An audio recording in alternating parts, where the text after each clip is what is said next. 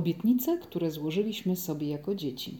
Materiał pochodzi z książki o niektórych lękach dzieci i nastolatków, zanim pójdziesz na terapię. Wydawnictwo Grupa Centrum. Katarzyna Matusz. Stanisław Szlasa. Znajoma mówi. Pamiętam, jak po jakichś wypowiedzianych w nerwach słowach rodzicach zamknęłam się w sobie. Obiecałam sobie, że od teraz będę silna, nie będę płakać. Jaka jest siła tego typu komunikatów? Wiesz, to są bardzo silne rzeczy, które zostają czasami na całe życie, z którymi na terapii staramy się poradzić sobie. Okazuje się, że to może mieć kolosalne skutki w życiu dorosłym, relacyjnym, w relacjach z dziećmi. Z czym pacjenci przychodzą do ciebie z tego czasu dziecięcego? Przychodzą z pewnymi przekonaniami o sobie. Siła tych przekonań tkwi w tym, że sami je sobie utworzyliśmy. I wydaje się, że jest to jedyne, słuszne i prawdziwe. Czasem to nie są nasze przekonania. Odpowiedzialność za te przekonania ponoszą osoby, które wytworzyły atmosferę, w której ja sobie te przekonania narzuciłem. To jest trudne do zobaczenia w terapii. Chodzi o to, żeby uwolnić osobę od odpowiedzialności za to. Bo to nie jest tak, że ty tak powiedziałeś i tak uważasz o sobie, tylko ty tak sobie powiedziałeś, bo takie okoliczności miałeś. Gdyby były inne okoliczności, to byś sobie tak nie powiedział. Inna sytuacja z czasu tych pierwszych lat szkolnych, gdy na sali gimnastycznej było przedstawienie, w którym brałam udział. Zapomniałam swojej kwestii i cała szkoła się śmiała. Ja się rozpłakałam. Dużo później, już w swojej pracy zawodowej, odkryłam, dlaczego tak bardzo chcę być rzecznikiem prasowym. Dlaczego tak bardzo chcę chodzić na wywiady. Jakbym chciała sobie udowodnić, że umiem, żeby tamto zaleczyć. Czy to jest możliwe? Tak, tak to działa.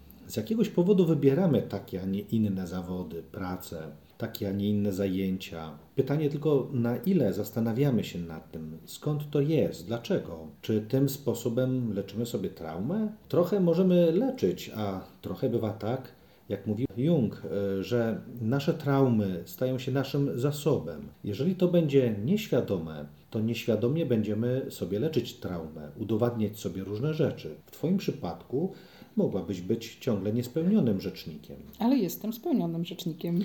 Właśnie, bo to, co przeczytałaś, czego doświadczyłaś, co przeżyłaś przez przerobienie, refleksję, uświadomienie sobie, wyjście z tego sprawia, że to staje się Twoim zasobem, że Ty możesz jednak występować. Trudnymi sytuacjami, ranami, które sobie uświadamiamy, dzięki temu, że mamy je w świadomości, możemy pokierować, użyć ich. Chcemy też powiedzieć o krzywdach, które doznajemy.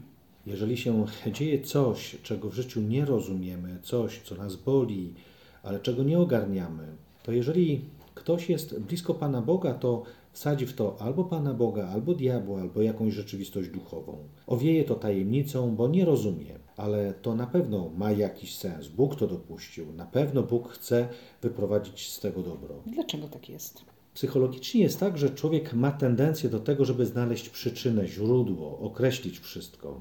Nie wyobraża sobie, że mógłby powiedzieć: Nie wiem, nie znam odpowiedzi na to pytanie. To jest bardzo trudne, bo trzeba to wytrzymać, zostać z pytaniami bez odpowiedzi, ale to jest możliwe. Ja mam taką wirtualną półkę, na której mam pytania bez odpowiedzi, bo mam trochę takich pytań, na które nie znalazłem jeszcze odpowiedzi, nie znalazłem człowieka, który by mi na nie odpowiedział. I to są takie pytania, które ja sobie odkładam na później i myślę sobie tak, kiedyś jak umrę, a jeszcze wtedy będzie miało to znaczenie, to ja te pytania zadam Bogu. Ale nie chcę, żeby te pytania bez odpowiedzi wpływały na moje życie dzisiaj. Nie znam odpowiedzi na jakieś ważne pytanie. W tej chwili nie znam. Może kiedyś poznam, ale teraz odkładam. Nie chcę się tym zajmować. Tak można. Nie trzeba tu sobie dorabiać.